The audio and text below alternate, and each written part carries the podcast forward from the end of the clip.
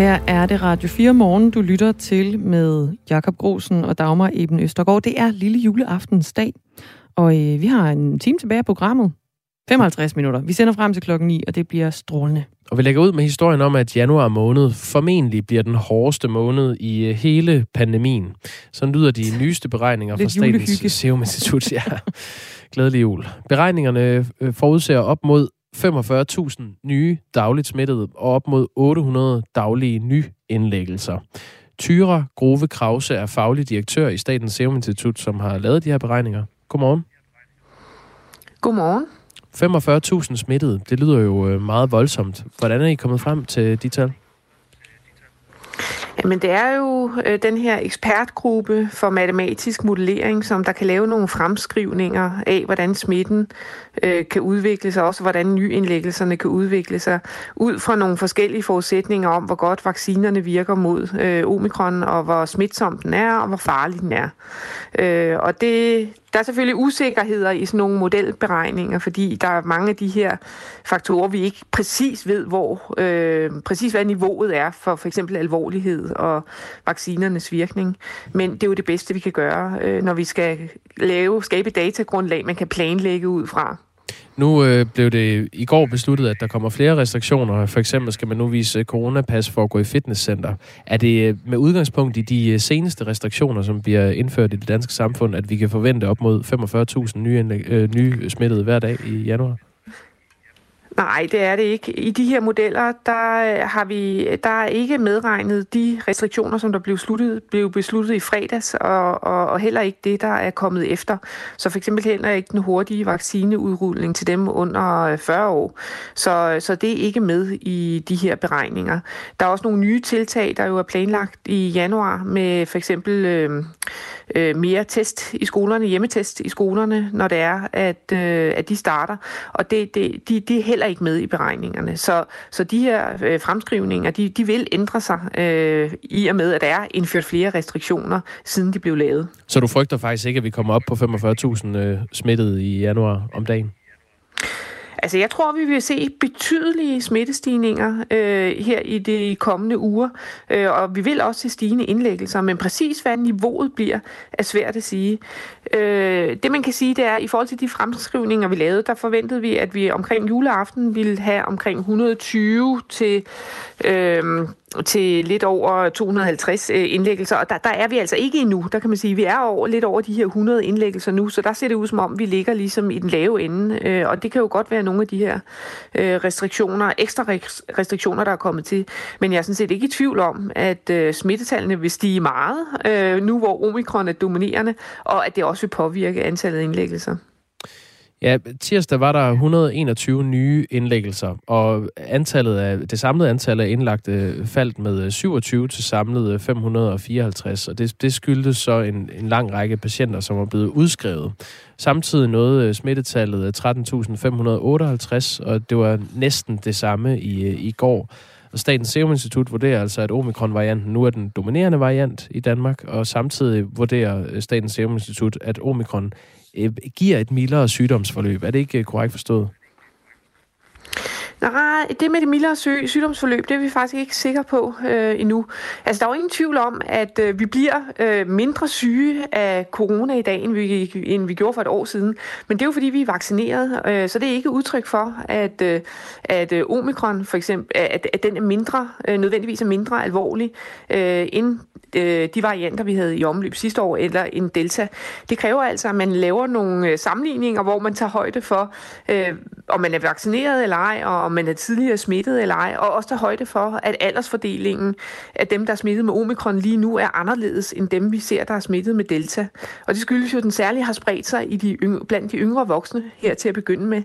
Øh, så når vi tager højde for nogle af de her faktorer, så kan vi faktisk ikke se en forskel nu, men det, det, det er altså nogle forløbige analyser, så det, det er jo noget af det, vi øh, skal blive klogere på her i, i, i den kommende tid. Ja, det, det hørte jeg også øh, Henrik Ullum, altså direktør for Statens Serum Institut, sige i går på pressemødet, at man kunne ikke øh, være sikker på, at de data, der kommer fra andre lande om, at, øh, at omikron altså giver et mildere sygdomsforløb, at de kommer til at holde stik.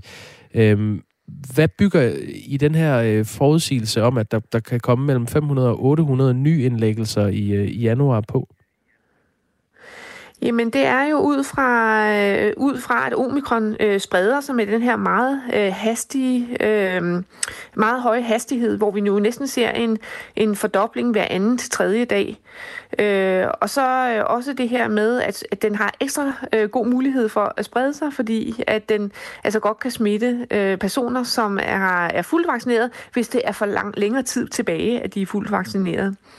Øh, og så er det jo også øh, fordi, at... Øh, at, øh, og, og selvom at, øh, selv hvis den skulle være mildere, det ved vi ikke, om den er endnu, så betyder det bare, at vi vil se utrolig mange flere smittede, end vi har været vant til. Øh, og, og så er det altså, at der, vi vil se nogle afledte indlæggelser, særligt blandt de ældre og sårbare, øh, som måske ikke responderer så godt på vaccinerne, som unge gør.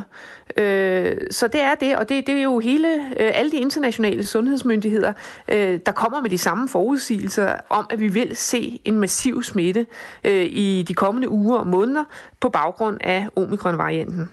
Vi talte tidligere på morgen med biolog og immunolog på Aarhus Universitet, Christian Kanstrup Holm, som ikke øh, giver så meget for de her forudsigelser. Altså han, han mener, at man bør skelne mellem de lange og de korte indlæggelser. Lad os lige prøve at høre, hvad det var, han sagde. Jeg bryder mig måske ikke om den hyperbolske øh, sprogbrug omkring, nu bliver det den mørkeste vinter. Øh, jeg tror, det er svært at forestille sig noget, der er ret meget mere mørkt, end at lukke Danmark ned, ligesom øh, vi gjorde sidst. Og ja, hvis man prøver at kigge på indlæggelsestallene, særligt dem, der er alvorligt syge, så tror jeg, der er grund til lige at slå koldt vand i blodet her. Hvad siger du til den kritik? Jamen, jeg er sådan set helt enig med ham i, at øh, en, en ny indlæggelse i, øh, på det her tidspunkt med, med omikron, er slet ikke det samme som en ny indlæggelse, som vi havde sidste år. Fordi dem, der er indlagt, øh, de har et mildere forløb, øh, fordi at de er vaccineret, øh, og, og risikoen for, at de kommer på intensiv øh, afdeling, er også mindre, end den var sidste år. Øh, og det er fordi, at vi er vaccineret. Så på den måde, så kan man sige, at vi kan godt rumme flere nyindlæggelser, end vi kunne øh, sidste år, øh, fordi at indlæggelserne generelt er mildere. Men øh, Øhm, men, men til gengæld, så kan man sige, så er vores sundhedsvæsen måske ikke helt så robust, som det var sidste år, øh, af mange forskellige årsager. Øh, så det skal man jo også tage med i betragtning. Men der er ingen tvivl om, at vi kan både rumme højere smittetal, og vi kan sikkert også rumme flere nyindlæggelser, end vi kunne sidste år, fordi at indlæggelserne generelt er mildere. Hvad tror du øh, med de nuværende restriktioner og dem, vi øh, kan se frem til, øh, alt efter hvordan man lige har det i januar, hvad, hvad tror du er, er realistisk? Altså, hvilke leje af nyindlagte skal vi forvente? Ah, jeg tør ikke sige sådan et øh, konkret tal, men altså, jeg tror, vi skal for, vende os til, at vores smittetal vil være langt højere end dem, vi ser øh, i dag. Øh, så jeg, jeg kan sagtens se for mig, at vi kommer op på 20.000 og 30.000 dagligt øh, smittet, når omikron nu rigtig tager fat. Øh, og så præcis, hvad det betyder for indlæggelsen, og hvor mange indlæggelser vi kommer til at se, øh, det skal jeg ikke kunne sige, men jeg er ikke i tvivl om, at det vil stige. Øh, vi vil skulle være forberedt på, at der er flere, der bliver indlagt. Frygter du et stort øh, mørketal? Ja, jeg tror også, at mørketallet vil blive større, fordi at vi bliver udfordret på vores øh, testkapacitet. Øh, så, og det kan vi jo også godt se nu, når vi har de her meget høje positive procenter, for eksempel i hovedstaden på, på op mod 9 procent. Øh, så, så kan man altså godt antage, at der er nogen, som, øh, som, øh, som øh, nogle tilfælde vi ikke fanger. Øh, særligt jo blandt dem, som der måske er milde, og hvis det så er lidt besværligt at, øh, at bestille en test, og man ikke gider at stå i kø, øh, så kan jeg godt forestille mig, at der er noget, vi misser. Og så er der også asymptomatiske tilfælde stadigvæk, som man måske ikke fanger. Vi taler altså med Tyre Grove Krause, som er faglig direktør i Statens Serum Institut, om de her øh, noget dystre beregninger fra Statens øh, Serum Institut om, at øh, der kan komme op mod 45.000 nye dagligt smittede og op mod 800 daglige nyindlæggelser i januar. Helt så galt kommer det nok ikke til at gå, øh, hører dig sige, Tyre Grove Krause. Hvorfor så gå ud med så høje tal? Jamen, det, det er jo ligesom, øh, der er en masse usikkerheder ved de her modelberegninger, men øh, på den anden side, så har man jo også et stærkt ønske om at, øh, at vide, hvad skal der ske frem øh, over, fordi det, det, det er jo det, man skal planlægge ud fra. Øh, så det er jo for at få et eller andet pejlemærke af, hvor er det, det her kan bevæge sig hen. Øh, så jeg tror, at vi, det er vigtigt at have de her modeller. Man skal ikke hænge sig alt for meget i de konkrete tal, og man skal vide, at der er usikkerheder ved det. Så, så hovedbudskabet om det her, det er jo bare, det her, det kommer altså, vi kommer til at se stigende smitte, vi kommer til at se stigende indlæggelser. Sundhedsvæsenet skal gøre sig parat på, at vi får en øget øh, belastning på sundhedsvæsenet, øh, og det er jo bare fint, at den øh, planlægning går i gang. Men det er ikke det samme som, at man nødvendigvis skal planlægge lige efter 100, øh, 800 nye indlæggelser, fordi det er ikke sikkert, at vi kommer derop, og det tror jeg faktisk heller ikke, vi gør, fordi vi har lavet nogle yderligere restriktioner nu. Det håber vi ikke. Tyre Grove Krause, tak fordi du var med. Jamen selv tak. Faglig direktør i øh, Statens Serum Institut. Elsker at lytte til Radio 4. Hyperbolske. Har sgu aldrig hørt det ord før, skriver Ivan ind. Skal vi lige have opklaret, hvad det er? Det var noget, som øh, Christian Kanstrup han sagde. Ja, har du nyt i sagen? Jeg har, jeg har nyt i sagen. Jeg har googlet hyperbolsk, så vi får den fra øh, Ordnet, den danske ordbog. Det er sprog vedrørende en stilfigur baseret på overdrivelse. Også i dag lærte jeg noget nyt. Klokken er 16 minutter over 8.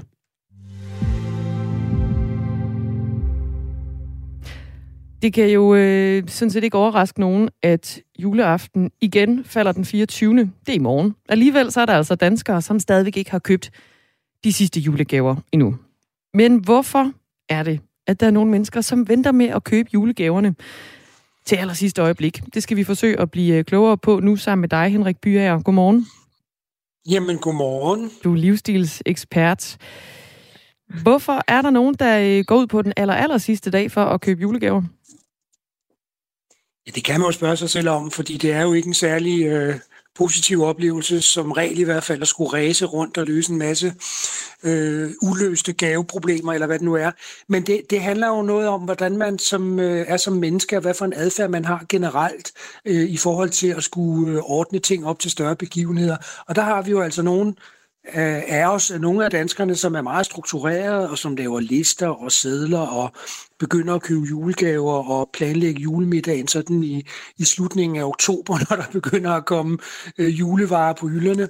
Og så er der altså nogen, der skyder det foran sig, Øhm, og de kan, det kan de have mange grunde til. Den ene øh, grund kan være, at de er sådan ustrukturerede og, og, og, og først løser problemerne, når de skal. Sådan er der nogle mennesker, der er indrettet. Altså, at hvorfor, hvorfor bruge tid og, og mental krudt på at tænke på noget, før det er øh, absolut øh, nødvendigt. Og så er der jo også dem, som har sådan en, en blanding af juleforstoppelse og julestress, øh, som, som ikke orker det, fordi det er sådan en, øh, altså et bjerg, man skal bestige hver gang, og hvorfor skal vi dog også det, og som gennemlever sådan nogle, en blanding af, af lidelser og fortrængninger. Og så når det så ikke kan udsættes mere, så er det så i dag jo, at man så må få, få gjort alt det her, og så får man så en lang dag, hvor man så virkelig kan øh, minde sig selv om, øh, hvor hårdt det hele er. Øh, men det gode ved det, det er jo, at i morgen, så, så er det jo glemt igen. Og man har intet lært, for de gør det samme næste år, de her mennesker. Jeg har selv stået den 23. og skulle købe julegaver. Det kan jeg skrive under på. Det er ikke en, øh, en 100% sjov og behagelig oplevelse. Det bliver sådan en lille smule presset. Og så ender det jo nogle gange med, at man også tager nogle øh, beslutninger i en ruf. Den her dag, hvor folk de tager ud og køber de aller sidste julegaver i sidste sekund og i sidste øjeblik, så tror du også, det er den dag, hvor der bliver købt sådan de mest fejlslagende julegaver? Jeg, jeg tror, det er en dag, hvor der bliver... Øh, altså, det, det gode for forretningerne, det er jo, at øh, folks kritiske sans er jo... Øh, den er jo ikke så skarp, fordi det handler jo ikke så meget om at finde øh, det allerbedste køb øh, på markedet. Det handler om at få den her vare i hus, fordi det jo er for pinligt, hvis man ikke har noget med til sin Øh, kæreste, kone, mor, barn eller hvad det nu er. Og på den måde så bliver man jo mindre øh, prisfølsom. Men det er jo også en dag, øh, især hvis man har mange ting, der skal, der skal ordnes. Det er, jo ikke, det er jo som regel, når de her dage bliver særlig stresset, så er, det jo, så er det jo også fordi, der er andre ting, der skal ordnes samtidig. Man skal have koordineret noget med, med, med julemiddagen. Man har måske nogle ting på arbejdet, man lige skal blive færdig med, og så kommer det her oveni. Øh, og der tror jeg, at hvis man laver en statistik, jeg ved ikke om den er lavet, men jeg har ikke set den, hvis man laver en statistik om, hvor stor byttefrekvensen er på de gaver, der nu er købt den 23. øh, jamen så tror jeg, den er stor, fordi det er så der, man, man, man kan komme til at købe noget, som enten øh, skyder helt ved siden af, eller som øh, er i en forkert størrelse, eller på anden måde ikke lige rammer øh, modtageren, og så, så øh, munder ud i det her næste rush, vi har, nemlig at ud og bytte alle alle julegaverne. Mm. Men det er jo sådan et sjovt fænomen, for, og, og det viser jo, at mennesket ikke er, er rationelt. Det er jo sådan en af de ting, man, man tit diskuterer i min branche. Altså er folk fornuftige, lærer de af deres fejl? Øh, kan de planlægge sig ud af det? Øh, og der må man bare sige, at det her det er et af eksemplerne på, at, at det er vi ikke. Fordi den, den rationelle forbruger, det rationelle menneske vil jo sige, når de står denne her dag, det her, det vil jeg, det vil jeg, det vil jeg undgå næste år.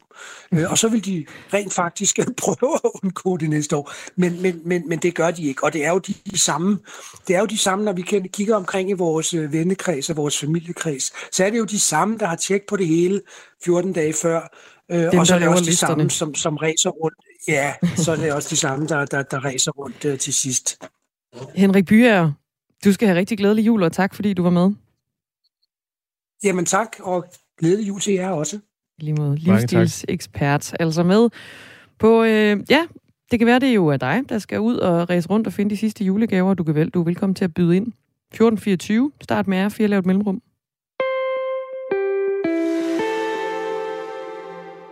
Over hele landet er der mangel på personale i plejesektoren, og det har nu fået flere kommuner til at tage alternative metoder i brug for at sikre, at de ældre og svage borgere kan få den øh, nødvendige hjælp hen over jul og nytår.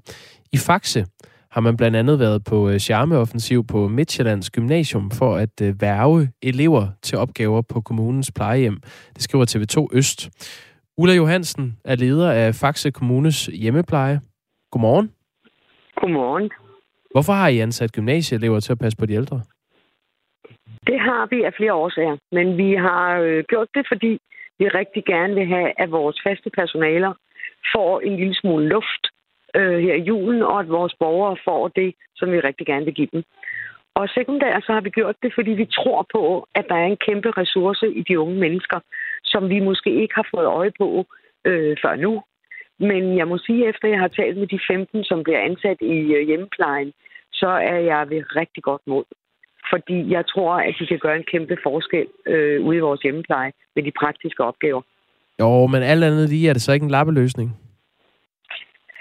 Jeg håber, at øh, alle ved, at hvis vi kunne ansætte vores faguddannede 20 i morgen, så ville vi gøre det. Øh, så det ene, ud, hvad det hedder, udelukker ikke det andet. Vi har brug for faguddannet personale, og det er på den lange bane også noget, vi går meget stramt efter. Men vi håber jo på, at vores gymnasieelever måske får en oplevelse, der gør, at de gerne vil være faste afløser hos os som studiejob. Det ville være fantastisk, øh, hvis de så en mulighed i et meget værdifuldt job. Men skal, skal de her unge mennesker fra gymnasierne varetage opgaver, som øh, socioassistenter normalt vil, øh, vil klare, for eksempel? De skal, øh, man kan sige, at de kører sammen med en, de kører ikke alene. Og det de så gør, det er, at de løser de opgaver, som socioassistenterne eller hjælperne normalt også ville gøre, men som de faktisk ikke har tid til. Det kan være praktiske opgaver, som at tømme en skraldespand. Det kan være at gøre lidt rent. Det kan være at sætte kopper på bordet til den ældre. Men det kan også være at sprede den her julehygge med de fem minutters samtale med den ældre, som vi rigtig gerne vil her mellem jul og nytår. Hvor, hvor galt står det til i hjemmeplejen øh, hos jer i, i Faxe Kommune, siden I er nødt til at, at gøre sådan, som I gør? Vi øh, har sådan øh, en del vakante stillinger, øh, som vi simpelthen ikke har kunnet få besat, selvom vi har slået dem op flere gange. Og så øh, kan man sige, at vi har også vikarer inde fra vikarbureauerne. Så på den måde er vi dækket nogenlunde. Men med en coronasituation lige over os, så bliver det rigtig, rigtig svært at undgå, at vi bliver meget presset i jul og nytår. Det er ikke kun i Faxe Kommune, at man har taget de her alternative metoder i brug for at sikre, at øh, de ældre og svage fortsat kan blive passet på, øh, på plejehjemmene. Blandt andet har man i Sorø Kommune skrevet ud til de ledige i kommunen for at høre, om øh, der var nogen, der kunne være klar på at tage en chance på det lokale plejehjem. I Tisted Kommune i Nordjylland har man bedt alle kommunens medarbejdere om at være beredte, uanset hvilken afdeling de arbejder i, og så altså hos jer i Faxe, hvor man har ansat øh, 14 gymnasieelever, der skal hjælpe til på plejehjem i, i kommunen. Øh, risikerer I ikke, at man underminerer problemet med mangel på personale, når I ansætter gymnasieelever frem for uddannet personale? Det mener jeg slet ikke er, øh, hvad det hedder, et issue her. For det første så er det her øh, noget, vi gør over julen og øh, nytåret som øh, et forsøg og øh, det ændrer slet ikke ved, at vi, øh, vi jo gerne vil have besat vores stillinger. Så jeg vil gerne pointere, at det handler ikke om at ansætte gymnasieelever i stedet for faglært arbejde. Og de opgaver, som de bliver sat til, er nogle opgaver, af praktisk karakter, som de godt kan løse. Så de er øh, i sikre hænder, og det er vores borgere også. Og jeg håber meget, at vores medarbejdere vil opleve, at det bliver en lettelse for nogle opgaver for dem også, så de kan koncentrere sig om det, de er bedst til. Tak fordi du var med her, Ulla Johansen. Tak. Leder af Faxe Kommunes hjemmepleje. Og vi kan også sige godmorgen til Lukas Brindholt Jensen. Godmorgen. Godmorgen. Du går i 3.G på Midtjyllands Gymnasium, og så har du lige fået et øh, job i på et plejehjem. Tillykke med det. Jo, tak skal du have. Hvorfor har du valgt at, at tage det job og bruge din jul og nytår på et plejehjem? Jamen, øh, som Ulla hun også lige sagde, så er de utrolig presset ude i den sektor. Og fordi jeg jo så ek- øh, har lidt ekstra tid her i juleferien, så tænkte jeg, så kan jeg lige så godt bruge den på noget meningsfuldt og noget, der spreder glæde og en lille smule overskud i en, i et presset situation. Så jeg tænkte, at, øh, at det vil jeg med glæde gøre. Du har ikke, øh, så vidt jeg er orienteret, nogen sådan sundhedsfaglig uddannelse, Lukas Brindholt Jensen. Så, så hvordan vil du, vil du bidrage til, til plejen af de ældre? Jamen, jeg vil selvfølgelig bidrage med det, jeg kan, øh, med min menneskelige erfaring og det der med almindelig almen dannelse. Jeg går på gymnasiet, så jeg har ikke nogen sundhedsfaglig uddannelse, nej. Men øh, jeg kan, som Ulla også siger, tage alt det praktiske, som, øh, som en socioassistent eller en sygeplejerske ikke har tid til. Øh, jeg vil kunne sidde og snakke med den ældre, eller gøre lidt rent, eller sådan noget. Øh, så det vil være sådan de helt basale ting, som, som jeg godt kan øh, finde ud af. Er det også en branche, du monstro har overvejet at begive dig ind i i fremtiden efter gymnasiet? Ja, det er det faktisk. Øhm, undskyld. Jeg overvejer nemlig, eller jeg overvejer meget kraftigt at læse medicin efter gymnasiet, så det er i hvert fald et indblik i en verden, som, som jeg godt kunne tænke mig at få, for også at få lidt øh, bekræftelse i, at det faktisk er det, jeg har lyst til. Mm. Så lige samle nogle erfaringer sammen her over, over julen og, og nytåret. Siden i sommer, der har der jo været ganske meget fokus på sådan dårlige arbejdsforhold, både for sygeplejersker jo, og også for, for sosu-ansatte. Hvorfor vil du gerne ind i, øh, i det arbejdsmiljø? Ja, men som jeg også har fået at vide af, af mine ledere og andre ansatte i den her hjemmepleje, så er de selvfølgelig presset, og det er i, i mange forskellige grunde til, at de er presset. Men jeg er ikke nervøs for, at øh, jeg får dårlige arbejdsvilkår overhovedet. Øhm, de er meget opmærksomme på, at vi gør kun det, som vi er trygge ved at gøre, og det, som vi er godt udrustet til at gøre. Øh, så jeg er på ingen måde usikker på, at, øh, at der er dårlige arbejdsvilkår eller noget som helst i den grad. Du skal i hvert fald have rigtig god øh, arbejdsløs, Lukas Brindholt Jensen. Jo, mange tak skal du have. Og glædelig jul. Glædelig jul. 3. G'er på øh, Midtjyllands Gymnasium, altså nyansat på et øh, plejehjem, efter øh, Faxe Kommune har været øh, ude og de lige undersøger, om Midtjyllands Gymnasium monstro ikke havde lyst til at øh, bidrage. Og vi kan da også lige sige øh, glædelig jul til dig, øh, Ulla Johansen. Du er stadig på linjen. Ja, det er godt. Glædelig jul Glædelig jul. Altså leder af Faxe Kommunes hjemmepleje. Sådan kan man øh, også løse tingene, når øh, det, der opstår øh, flaskehals mellem jul og nytår. Der må vi tale før med Henrik Byager, som er livsstilsekspert om det her med det her fænomen med, at man øh, vælger først at købe sine julegaver på øh, den sidste dag før jul, altså Ja. i dag, lille juleaften. Det kan, hvis du ikke har noget at købe julegaver i dag, så, eller endnu, så kan vi oplyse om, det er øh, sidste udkald. Ja, det er det. Og hvis øh, du har valgt at gøre det i dag, så kan det være, at det er et mønster. Det var i hvert fald det, der kom fra Henrik Byer, det kommer an. Det, det afhænger af, hvilken type menneske man er, og hvornår man øh, har det med at øh, fikse ting sådan op til, at øh, noget stort skal ske. Mm. Og det kunne jo for eksempel være julen. Vi har fået en uh, sms fra Claus, som øh, ikke helt føler sig set i øh, Henrik Byers øh, analyse. Hvad baserer jeres livsstilsekspert sine antagelser på, skriver Claus. Jeg køber næsten altid den 22. 23. Og det er altså helt med vilje.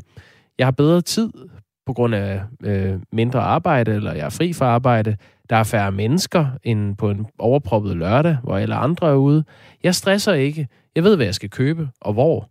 Jeg hygger mig bare i stedet for, skriver Claus. Det lyder skønt. Forfriskende indspark, Claus. Mm. Tak for den sms. Fuldstændig. Øhm, Har du overstået det hele, Jakob?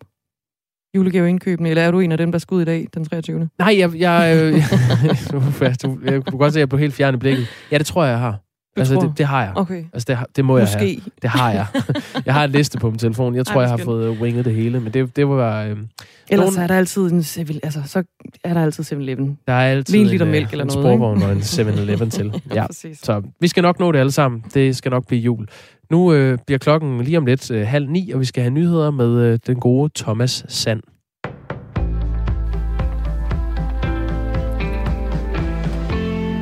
Kun to ud af 98 kommuner siger ja til flere flygtninge næste år, det oplyser Udlændingestyrelsen til Radio 4. Styrelsen havde spurgt kommunerne, om de ønskede at tage frivilligt imod flere flygtninge i løbet af det kommende år, efter at Taliban overtog magten i Afghanistan og sendte flere statsborgere på flugt i august. Kun Bornholm og Fredensborg kommuner har takket ja. Udlændingeordfører hos Radikale Venstre, Katrine Oldag, mener, at det er et skidt signal at sende. Jeg synes, det er, meget ærgerligt, at øh, kommunerne ikke øh, har mere øh, mod på det. Fordi øh, det, den gruppe, som der her taler om, det er jo for øh, langt overvejende øh, størstedelens vedkommende omkring de 1000. Der handler det jo om de afghanere, som vi har evakueret. Det er altså ikke flygtninge, som er rejst over stok og sten og over øh, bjerge og have for at komme hertil. Det er folk, som vi har hentet og som har arbejdet for os. De danske kommuner stod oprindeligt til at skulle huse 500 flygtninge i løbet af det kommende år, men på grund af situationen i Afghanistan er det tal blevet forhøjet til 1100. Boostervacciner forlænger pandemien, sådan lyder advarslen fra Verdens Sundhedsorganisationen ifølge TV2. Flere vestlige lande herunder Danmark er ved at udrulle tredje stik til befolkningen for at mindske spredningen med coronavirus, men den strategi risikerer at ende med at gøre det modsatte, det siger generaldirektøren for WHO, Tedros Adhanom Ghebreyesus. Boostervaccineprogrammerne kan meget vel forlænge pandemien frem for at ende den, siger han på et pressemøde. Forklaringen er ifølge generaldirektøren, at vestlige lande, som allerede har høj vaccinationsdækning, hamstrer vacciner, så deres befolkning kan få tredje stik. Samtidig er der store dele af verden, som endnu har meget lav vaccinationsdækning, og her kan coronavirus mutere og sprede sig globalt igen. Strategien vil give bagslag, mener generalsekretæren. En femtedel af de vacciner, der administreres verden over lige nu, gives som boosterstik. Samtidig har halvdelen af medlemslandene i WHO endnu ikke nået målet om at vaccinere halvdelen af befolkningen. Særligt slemt er det i Afrika, fortæller WHO-direktøren. Jeg har virkelig svært ved at forstå, hvordan tre ud af fire afrikanske sundhedsarbejdere stadig ikke er vaccineret, mens andre lande er i fuld sving med tredje stik, siger han. Den danske kunstner Jens Galschiøts skulptur er fjernet fra Hongkongs Universitet, det skriver den uafhængige Hongkong-avis Hongkong Free Press. Med fjernelsen sender universitetet et klart signal til de studerende om, at man ikke må nævne massakren på den himmelske freds plads, det siger kunstneren bag skulpturen Jens Galschiøt. Det er simpelthen et spørgsmål om at sende et signal til studenterne om, at det er slut med demokratibevægelsen, det er slut med ytringsfriheden i Hongkong, og man må ikke nævne ordet til Tiananmen-massakren. I en pressemeddelelse bekræfter universitetet, at det har fjernet statuen, der har stået på campus siden 1997 til minde om offrene for massakren i Beijing i 1989. Altså, det fejler uden til at køre, køre en, en tanks igennem Arlington-kirkegården eller Assistent-kirkegården i København.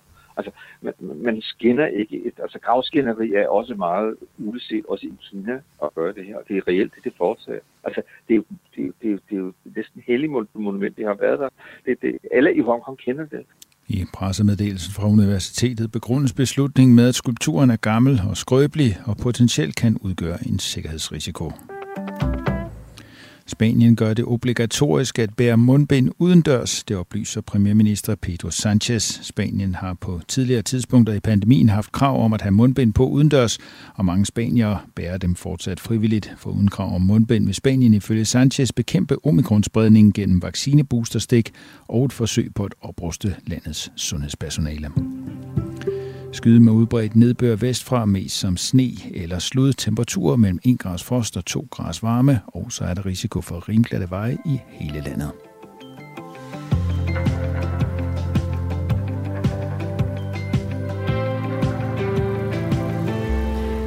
Jeg vil skyde på, at den gode Claus, der har tid til gaveindkøb i dag, er en af dem, der bare kan sætte sig til julemiddagen, som en anden har meget travlt med at forberede netop nu. Skriver Inger ind med et øh, glædeligt jul. Shots fired, øh, Inger. altså sk- skud skudt, som man siger. Øh, Claus var jo en af de mennesker, et af de mennesker, som øh, har skrevet ind, at øh, han altså hygger sig meget godt med at købe julegaver den 23. Øh, altså i dag. Øh, der er færre mennesker, han ved, hvad han skal købe og hvor han skal gå hen, og det er altså ikke noget problem for, øh, for Claus. Øh, ja, så, så er den cirkel ligesom fuldbragt med Ingers øh, bemærkning Indspark. til Claus. Indspark, lad os kalde det det. Godt. Øh, Radio 4 Morgen er altså programmet, du kan skrive ind til på 1424. Start beskeden med R4. Nu skal vi ombord i en historie, vi har øh, beskæftiget os en del med her til morgen. Den går på, at øh, kun to ud af landets 98 kommuner har takket ja til frivilligt at tage imod flere flygtninge det kommende år. Kommunerne havde nemlig indtil fredag i sidste uge øh, til at oplyse Udlændingsstyrelsen, om de ønskede frivilligt at tage imod nogle af de afghanske flygtninge, som er kommet til Danmark, efter at Taliban overtog magten øh, i Afghanistan tilbage i august. Det er Bornholms og Fredensborgs kommune, der har sagt ja. Og øh, det er noget radikale Venstres øh, udlændingeordfører Katrine Oldag har rettet en kritik af. Jeg synes, det er, det er meget ærgerligt, at øh, kommunerne ikke øh, har mere øh, mod på det.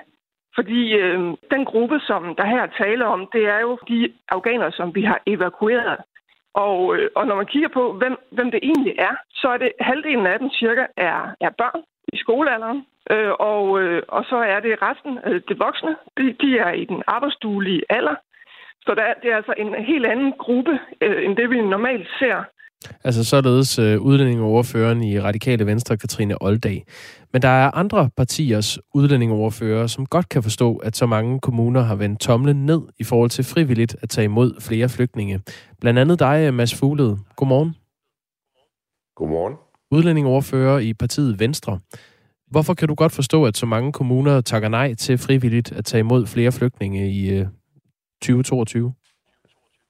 Jeg tror, det hænger sammen med, at man øh, ser på, hvordan man generelt har haft vanskeligheder med den her gruppe, øh, og sporene skrammer, og det sætter sig nok i en uvilje mod at tage imod en, en gruppe. Jeg er faktisk enig i, at den her gruppe sikkert er anderledes end, øh, end, end den gruppe her normalt plejer at være. Men jeg tror, det er det, der er årsagen til, at der mangler være sig. Det er en, en udgiftsdrivende gruppe normalt, og, og den kan være svær at øh, integrere ordentligt, øh, og det, det, det er spor, der skræmmer. Øh, så, så det er jo nok et, en, en reaktion på, hvordan det generelt er gået med integrationen øh, herhjemme. Tror du, det handler om, at kommunerne simpelthen ikke øh, er blevet ordentligt oplyst om, hvad det er for en gruppe flygtninge, der er tale om her? I, det, det kan jeg ikke svare på, på øh, så mange kommuners vegne, men, men jeg kan da formode, at, øh, at den betragtning, at den her gruppe er lidt anderledes, og, og måske er nemmere at øh, integrere og, og få, øh, og få gjort øh, erhvervsaktiv øh, og til at passe ind, øh, at, at, det er en, øh, at, at, at det kan godt have noget for sig.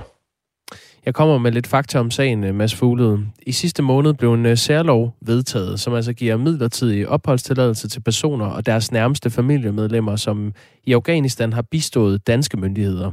Ude for den her særlov vurderer øh, Udlændingsstyrelsen altså, at op mod 900 afghanske statsborgere skal boligplaceres i landets kommuner.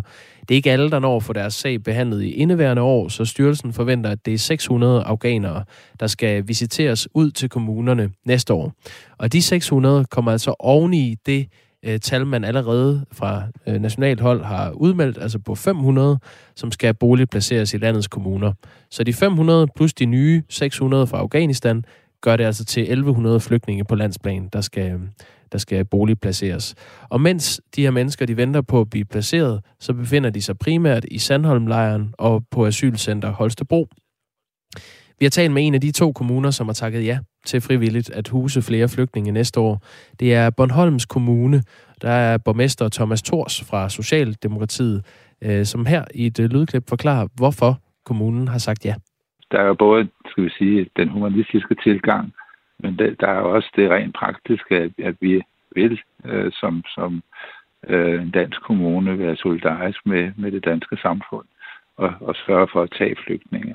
Vi har jo vores øh, kaserne, vi har mange soldater, som har været i Afghanistan, og øh, vi føler en forpligtelse til også at sørge for, at, at de afghanere, som, som har været de danske styrker behjælpelige øh, i den lange periode, det danske øh, militær har været i Afghanistan. øh, får et, et, et sted, øh, hvor de kan leve i, i ro og under ordnede forhold. Mads Fuglede, mange af de her flygtninge har hjulpet Danmark med øh, evakueringer under Talibans øh, overtagelse af Afghanistan. Øhm, kunne du se ræson i at bede kommunerne udvise solidaritet, som øh, Thomas Thors fra Bornholm her appellerer til, og så tage imod flere af de her flygtninge, ligesom Bornholms Kommune har gjort? Altså jeg tror at når vi nu kender resultatet af, hvor mange der har lyst til at tage imod øh, øh, boliganviste fra den her gruppe, at, at så bør øh, man nok fra ministerens side gå ind i en dialog med kommunerne øh, og, og forsøge at, og, og sige noget i retning af, at, at den her gruppe har vi øh, samarbejdet med. Vi har, har erfaring for, at de er, er nemmere at integrere end andre. Det er derfor, vi har samarbejdet med dem i Afghanistan. Øh, så jeg, jeg synes, I kan kigge på den her gruppe øh, igen. Det vil da være en... Øh, en, en, en vej frem. Jeg synes, det som borgmesteren for Bornholm siger, langt hen ad vejen, øh, alt sammen jo er, er, er meget fornuftigt. Selvom jeg på den anden side godt forstår, at der er mange steder, hvor man tænker, øh, at det her, det, øh, det, det er noget, der, der, der, der medfører mange øh, problemer normalt. Ja, vi, vi hørte faktisk tidligere her i øh, Radio 4 Morgen fra den socialdemokratiske borgmester i Sønderborg Kommune, Erik Lauritsen. Og han sagde, at de ville sådan set ikke have problemer med at tage nogle flere. De kunne måske endda tage øh, 50 Øh, af de her flygtninge i Sønderborg Kommune. Men han vil ikke tage dem, før der kommer en øh, fordeling fra øh, Udlændingsstyrelsen. Altså at det bliver en del af den her fordelingsnøgle, så alle kommuner skulle bidrage, og Sønderborg Kommune ikke skulle frivilligt gå ind i det. Kan du forstå hans holdning til det? Ja, det kan jeg sagtens forstå, at man kan have den holdning. Men jeg kan også godt forstå den holdning, hvor man siger, at, at vi har, hvis man i, i mange kommuner har jo tidligere øh, modtaget øh, Øh, på den her konto og har øh, oplevet, at der er opstået øh, parallelsamfund, øh, og man får mange på passiv forsørgelse øh, ind i sin kommune på den her konto. Og det kan være meget udgiftsdrivende for en kommune, ud over sammenhængskraften, når de steder, hvor det foregår, kan være kan være lav, og, og, og alle sådan nogle øh, bekymringer, de vejer selvfølgelig også med i skolen, og vi tror jo på det kommunale selvstyre i Venstre, og det, det skal man selvfølgelig holde fast i, at det er jo suverænt deres egen afgørelse. Også med den her sag tror man, man, øh, man betragter den her gruppe øh, lidt anderledes, end, end hvad realiteterne er omkring den. Men i mellemtiden sidder de her mennesker, som altså har hjulpet Danmark i Afghanistan, i øh, for eksempel øh, Sandholm-lejren eller øh, i øh, asylcentret i, i Holstebro. Synes du, det er en god løsning, at de sidder der og venter på, at øh, der kommer en eller anden øh, udmelding, sådan at kommunerne øh, skal tage imod flere af dem, eller at kommunerne selv frivilligt øh, byder sig til? Jeg ved ikke, om jeg, jeg synes, det er en god løsning. Det er nok den løsning, der er, men vi ved, at jo længere man opholder sig på sådan et center, des langsommere går øh, det med integrationsdelen. Øh, og jo mere usikkert ens fremtid er, jamen det større sandsynlighed er der for, at man øh, søger videre til et, øh, til et andet land, for at se, om man kan, øh, kan få nogle bedre øh, vilkår der, når man, når man først er kommet herop, har man jo mulighed for at, at søge videre. Så det er ikke optimalt, at de sidder på et, øh, på, i, i, i, i et asylcenter, som de sidder nu. Vil du kæmpe for, at, at der kommer en, øh, en fordeling fra centralt hold, sådan at kommunerne hver især skal tage et, øh, et mindre antal flygtninge?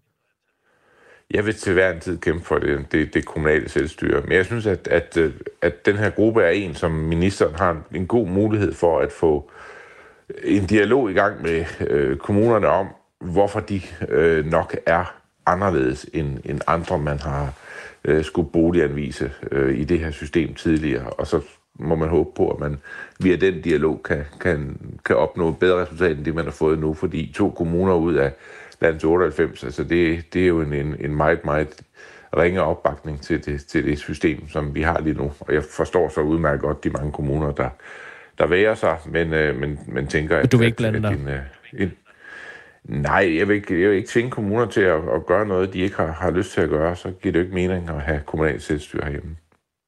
Det er ordene fra Mads Fuglede, udlænding, prøv igen, udlændingeordfører hedder det hos Venstre. Tak fordi du var med. Selv tak.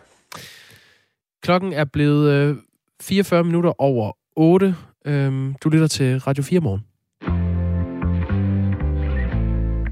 Overskud på Radio 4 hjælper dig med at få styr på økonomien og komme i gang med at investere. I dag der skal vi tale om noget, som jeg ikke fatter en skid om. Det er øh, kryptokunst. Vi kommer omkring alt fra aktier, arv, bitcoins, pension og ja, til kryptokunst. Ret hurtigt så blev jeg grebet af at følge med. Find Overskud som podcast og lyt med tirsdag kl. 13 her på Radio 4.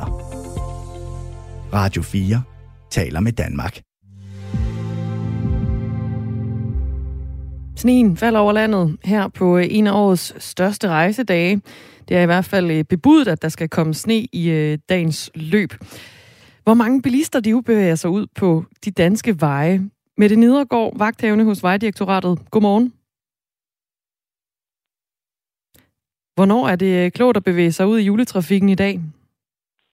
Øhm, jeg vil næsten hellere sige, hvornår det er klogt at holde sig væk fra vejene. Og vores erfaringer og vores prognose siger, at imellem kl. 11 og 14, at det er et tidspunkt, hvor der er allerflest biler på vejene. Så kan man køre sted nu her, eller en gang hen over eftermiddagen, så er det at anbefale. Og hvad for nogle dele af landet bliver det, øh, det værst at være trafikant i? Det er jo rigtig svært at svare på i forhold til øh, sneværet i hvert fald, men, men primært så bevæger trafikken sig fra hovedstadsområdet og så hen mod Jylland, og det er både over øh, Sjællands Øde og så hen over Fyn frem mod trekantsområdet, hvor der er rigtig mange øh, biler, og så på E45 op mod Aarhus. Herfra der breder trafikken sig mere ud. Og når man nu bevæger sig ud på øh, de danske veje for at komme hjem, til jul, eller hvor man nu skal holde sin, øh, sin jul hen, hvad, hvad skal man så være særligt opmærksom på? Også i forhold til jo, øh, jo vejret i dag, som altså har bebudt sne. Ja, altså den her sne, det er jo, øh, det, er jo det, der kan, kan skabe lidt uheldige situationer ude i trafikken. Vi håber selvfølgelig ikke, det kommer til at ske, men man kan forberede sig ved at tage hjemmefra i rigtig god tid, altså lidt foden lidt fra speederen og undgå stress derude og så holde god afstand til medtrafikanter, så øh, er vi allerede et godt stykke hen ad vejen. Men altså køre efter forholdene i det her danske, måske lule snevær, vi får i dag. Vi får se. Mette Nedergaard, tak fordi du var med. Værsgo og god jul. God jul. Vagthævne hos øh, Vejdirektoratet. Dagmar i Møstergaard. Vi skal have en fødselsdagsquiz. Jakob Grosen, det lyder godt. Vi har den 23. december, og øh, den 23. december for 27 år siden, altså i 1994, blev der begået herværk mod kunstneren Michael Brammers udstilling Love i Nikolaj Kirke i København. Ja. Fem udstoppede hundevalpe indgik i et af de her værker, øh, som havde titlen Tro, Håb og Kærlighed med venner hvor hundevalpene flankerede et øh, 3 meter højt glasfiberhjerte. Og øh, de her valpe havde øh, Michael Brammer købt, hvorefter han havde fået dem aflivet og så udstoppet. Og så fik han ellers dødstrusler, 50 styk, og hans installation blev udsat for herværk, da det kom frem, at der var blevet brugt levende dyr til det her øh, værks pointe om den totale harmonis illusion. Nå. Altså herværk på denne dag for 27 år siden. Og derfor udstoppet hundevalpe. Skal fødselsdagskvisten handle om provokunst. Uh. Øh, når man siger provokunst, så må man gerne sige lort på dåse. Fedt. Og øh, det er jo et øh, konkret kunstværk. Det, det vil næsten være svært at komme udenom. Merte d'Artiste, som blev skabt af kunstneren Piero Manzoni i 1961. Det bestod af 99 dåser med hver 30 øh, gram af Manzonis egen afføring, som han øh, prissatte efter den gældende guldpris. Ja, naturligvis. Og øh, det var en kommentar til den etablerede kunstelite. Altså når man kunne kalde nogle klatter maling på et lærred for kunst, så kunne man også skide i en dåse og kalde det det samme, mente Manzoni. Her kommer første provokunstspørgsmål. Tak. I dag ejer et dansk museum en af de her lortedåser. Hvilket dansk museum ligger inde med Piero Manzonis lort? Er det ikke i Aalborg? Nej. Men Nej. du er øh, i den rette landsdel. Okay. Næsten. tak for tippet. Det, var ja, værsgo, dejligt. det var en stor hjælp. Helt kanon. Et sted øh, nordpå. Ja, sådan, ja. Men også sydpå. Midt. Midt på. I Jylland. Nå, men så er det i Herning. Ja. Hart. Hart. Herning Museum of Contemporary Art, som jo bare kaldes Hart, ejer en øh, lortedåse. Ja. Du får et halvt point, synes jeg. Tak, tak. Det er jeg faktisk glad for. Det synes jeg var sødt af dig. Nu skal vi til den her.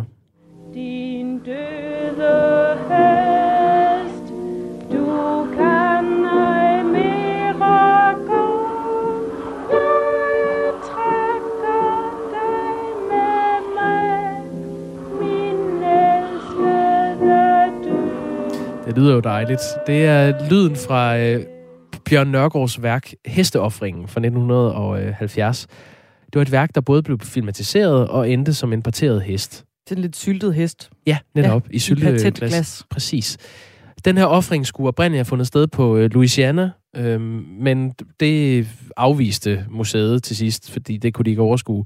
Og så i stedet så blev det udført på en sneklædt mark i Kirke Hyllinge i samarbejde med øh, Ekstrabladet, som øh, dokumenterede det. Bjørn Nør- Nørgaard trådte, øh, op, trådte op kl. 10 på den her mark om formiddagen, iført et læderskin og et rødt pandebånd. Så havde han øh, hoppen røde fane, eller tulle, som den også blev kaldt, med sig. Altså hesten? Ja, og den øh, gik ikke levende derfra. Det her, det var en øh, offring, som var en øh, symbolsk protest. Hvad var den en protest mod? Oh, et eller andet med det etablerede system. Ja, oh. lidt mere konkret. Det var i 1970. Øhm, Mm. Mm, mm, mm, det var mm. mod noget dig. ufred Ja. et sted i verden. Nå, krig. Ja, Ja, en krig. Vietnam. Ja, Ja. Vietnamkrigen. Øh, en symbolsk protest rettet mod volden og blodsudgydelserne, der fandt sted der. Altså det, at man, øh, hvis man kunne blive forarvet over, at man øh, aflivede et øh, sygt dyr, som Tulle-hesten var, øh, hvorfor var var man så ikke forarvet over, hvad der foregik i Vietnam, var ligesom øh, resonemanget fra Bjørn Nørgaard. Og i dagene og ugerne efter var reaktionerne på den her øh, hesteoffring så voldsomme, at øh, den 22-årige Bjørn Nørgaard måtte forlade sin lejlighed i København på grund af trusler og herværk. Hvor længe måtte han blive væk fra sin lejlighed? Syv dage. Du får lige en, to eller tre måneder. Okay. jamen, så tror jeg, det var... Øh, jamen, vi tager øh, tre måneder. Det er rigtigt. Der var fuld skrald på. Ved du, det, jeg gætter synes, jeg faktisk, det går ganske udmærket, ja. det her, Dagmar. Der kommer sådan et par halve point ind imellem i hvert fald. Ja, ja, men du, Eller du er måske op på to nu. Øh, to halve og et helt. Fedt. Nu skal vi til en af dem, som øh, der virkelig har skabt øh, furore. Det var i år 2000, hvor den dansk-chilenske konceptkunstner Marco Evaristi øh, lavede installationen Helena med 10 sværdrager i blenderglas på øh, Jeg museet var nede og se de blinderglas. Var du det? Der var ikke nogen fisk tilbage. Det var nemlig det, der skete. Øh, man kunne øh, blende fiskene med, med et tryk på blenderens kontakt.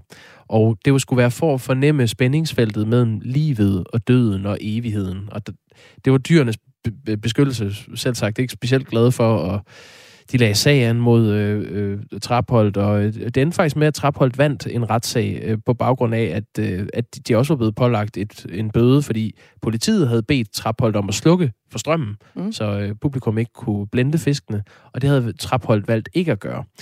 Nå, hvor mange guldfisk blev rent faktisk blendet på Trapholdt? 14. 8. Okay. Ja, hvordan skulle du også vide det? Øh, det, det her værk blev faktisk, øh, da det, det kom til Chile i 2002, to år efter, der forsøgte en gruppe aktivister at bortføre de her guldfisk, eller sværdrager. Og i 2006... Hvordan pokker gør man det? Jamen, Det er sådan noget med en, en pose i tasken med vand, og så lige... Det tror jeg. Ja. Og så om i Tornystad. Ja. I 2006 øh, trængte ukendte gerningsmænd ind på et museum i Østrig, hvor de blendede en af fiskene, og så bortførte de resten og smadrede alle blenderne. Jeg ved ikke, det lyder også nærmest som en kunsthappening i sig selv. Ja, egentlig. Nå, men øh, Marco Evaristi, som lavede det her værk, det er sidste spørgsmål nu. Noget kunne tyde på, at han går med tanker om et kunstværk, der er langt mere kontroversielt end det med fiskene. Øhm, I begyndelsen af december var René Diff fra Aqua, altså musikeren, ja. med i øh, vores kollega Lærke Kløvedals program Det sidste måltid her på Radio 4.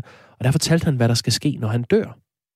I midten af karrieren med Aquara indgik en aftale med Marco Evaristi Okay. om, at han måtte øh, øh, bruge mit lig. Jeg ved ikke, om det bliver lidt mobilt, det med, at han skal balsamere mig, tror jeg. og så skal jeg sidde i en Ferrari i sådan et, øh, i sådan et øh, kunstværk, øh, og så skal jeg udstilles øh, på nogle af de største øh, museer i verden, før jeg så Bliver brændt. bliver brændt forhåbentlig, ja. Du er ved at tabe underkæben, Dagmar. Brændt forhåbentlig. Det kan jo blive en evighed, han kan sidde i den Ferrari der og være balsameret. Ja. Diffen for delen. Men når han så bliver brændt, René Diff, hvad skal der så ske med ham? Her kommer tre valgmuligheder. Ja, tak. Bliver han puttet i en nytårsraket og fyret af kl. 12 nytårsaften af sine venner? Bliver han puttet i en Big Mac-menu og spist af højst bydende på en auktion? Eller skal han skylles ud i toilettet? Jeg tror sgu, han bliver fyret af med en nyhed, nytårsraket.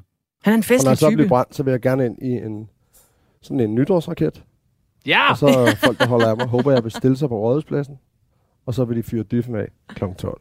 Fyr diffen af. Ja, ja. hvor det fedt. Og det må man gerne, øh, skulle, man, øh, skulle man synes. Også på trods af alle coronarestriktioner. Nu er René Diff jo heldigvis ikke død.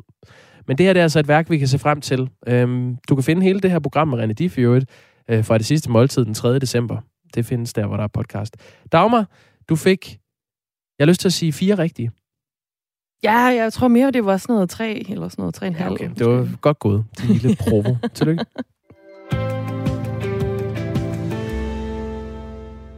Flittig brug af tredje og fjerde vaccineboosterstik kan være med til at forlænge coronapandemien.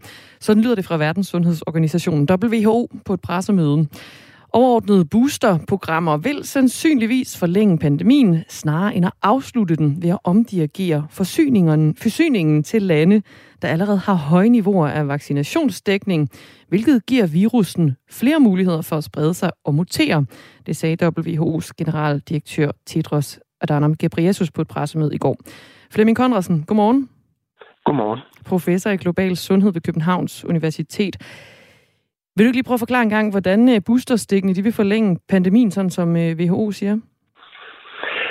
Ja, det er øh, argumentet, som jo nok også holder i byretten, det er, at når vi alle i de rigere lande øh, ser et behov for at booste, som også er veldokumenteret videnskabeligt selvfølgelig. Det giver god mening at booste. Så i, i det, at vi rykker boosterstikket frem, altså i stedet for seks måneder, så har vi det nogle lande tre og nogle fire og et halvt måned efter anden stik, så opbygger vi et lager. Vi opbygger for at være sikre på at kunne have doser nok, så indkøber vi flere, eksporterer mindre, opbygger lager, og det forsinker simpelthen leverancerne til de lande, som endnu ikke har fået første eller anden stik. Så vi reserverer en større del af produktionskapaciteten og opbygger lager, så de vaccinedoser ikke er tilgængelige til for de lav- og mellemindkomstlande, som endnu ikke har doser. Vi øh, tager lige et historisk tilbageblik, fordi du har sagt til Berlingske tidligere, at du var øh, jamen, fortaler for de her boosterstik øh, til de særligt sårbare blandt andet. Og nu ser vi så også, at alle over 18 år, de bliver tilbudt de her, den her boostervaccine i, øh, i Danmark. Har du, har du ændret holdningen til det? Nej, man kan sige, i tråd med det, som Verdenssundhedsorganisationen også siger, de, de er fuldt forstående for, at der er et behov for at booste, særligt dem, som er meget sårbare, de ældre, underliggende sygdom, øh, alder specifikt. Øh, det er de helt med på, men, men det er for at sænke, reducere svær sygdom blandt den gruppe og reducere presset på sundhedssystemet. Men vi bruger selvfølgelig også boosteren for at mindske smittespredningen i den generelle befolkning. Og der er det WHO's mening, at vi skal forholde os øh, mere målrettet med boosterne. Vi skal give dem til dem, der er allermest brug for dem, alle steder i verden. Øh, og ikke brede det ud, så de mindste børn eller de unge mennesker, som ikke har en så stor chance for at blive syge, at de skal ikke have boosteren af deres argument, før alle sårbare andre steder i verden også har fået første og anden stik. Fordi det er et spørgsmål om, vil vi reducere smittespredning eller have et klare fokus på beskyttelse af de mest sårbare for at reducere sygdom og død? Eller vil vi kigge på også bruge vaccinerne mere bredt til at reducere smittespredningen. Og det er selvfølgelig et, et super svært dilemma. Mm. Verdenssundhedsorganisationens argument er, at vi ved begyndelsen af det nye år har nok doser, så vi kan mere tænke på, hvordan vi fordeler dem, hvordan vi undgår spild, hvordan vi reducerer øh, lageropbygning og simpelthen fordeler dem mere effektivt. Så øh, står det til dig, Flemming Konradsen, kort her til sidst. Bør alle over 18 år, der sådan set er inviteret til at få et boosterstik, men ikke er særligt sårbare, bør man så i bund og grund takke nej til den her boostervaccine i Danmark? Nej, i Danmark der er vi nødt til at, at booste alle, og derfor er det selvfølgelig et dilemma. Til gengæld skal vi investere langt mere i at sikre, at doserne frem til lavindkomstlande. Vi skal reducere, der er flere hundrede tusind eller flere hundrede millioner doser i USA og Europa i øjeblikket, som sandsynligvis ikke finder anvendelse, fordi vi har en ineffektiv opbygning af lager. Vi hårder vacciner, inklusiv flere, end vi skal bruge. Så vi skal simpelthen gentænke vores forsyningskæder, støtte produktionsopbygning ude i regionerne. Lige som det ser ud i øjeblikket med den politik, Danmark fører, er vi nødt til at booste bredt. Lød det fra Flemming Konradsen. Tak for det. Og glædelig jul. Det tak. Det tak, i lige måde. Professor i global sundhed ved Københavns Universitet. Vi er ved at nå til vejs ende for i dag i Radio 4 morgen. Om fem minutter er der ring til Radio 4. Øh, Dagmar, du er tilbage i morgen? Ja, det er jeg nemlig. Jeg Hvornår sender sender fra i 7.05 til klokken 9. Radio 4 morgen. Det er sådan en slags julestue, vi åbner op for. Det kommer til at handle rigtig meget om jul. Det skal være rart, det skal være godt, det skal være hyggeligt. Tænd for radioen i morgen kl. 7.05. Nu er der nyheder.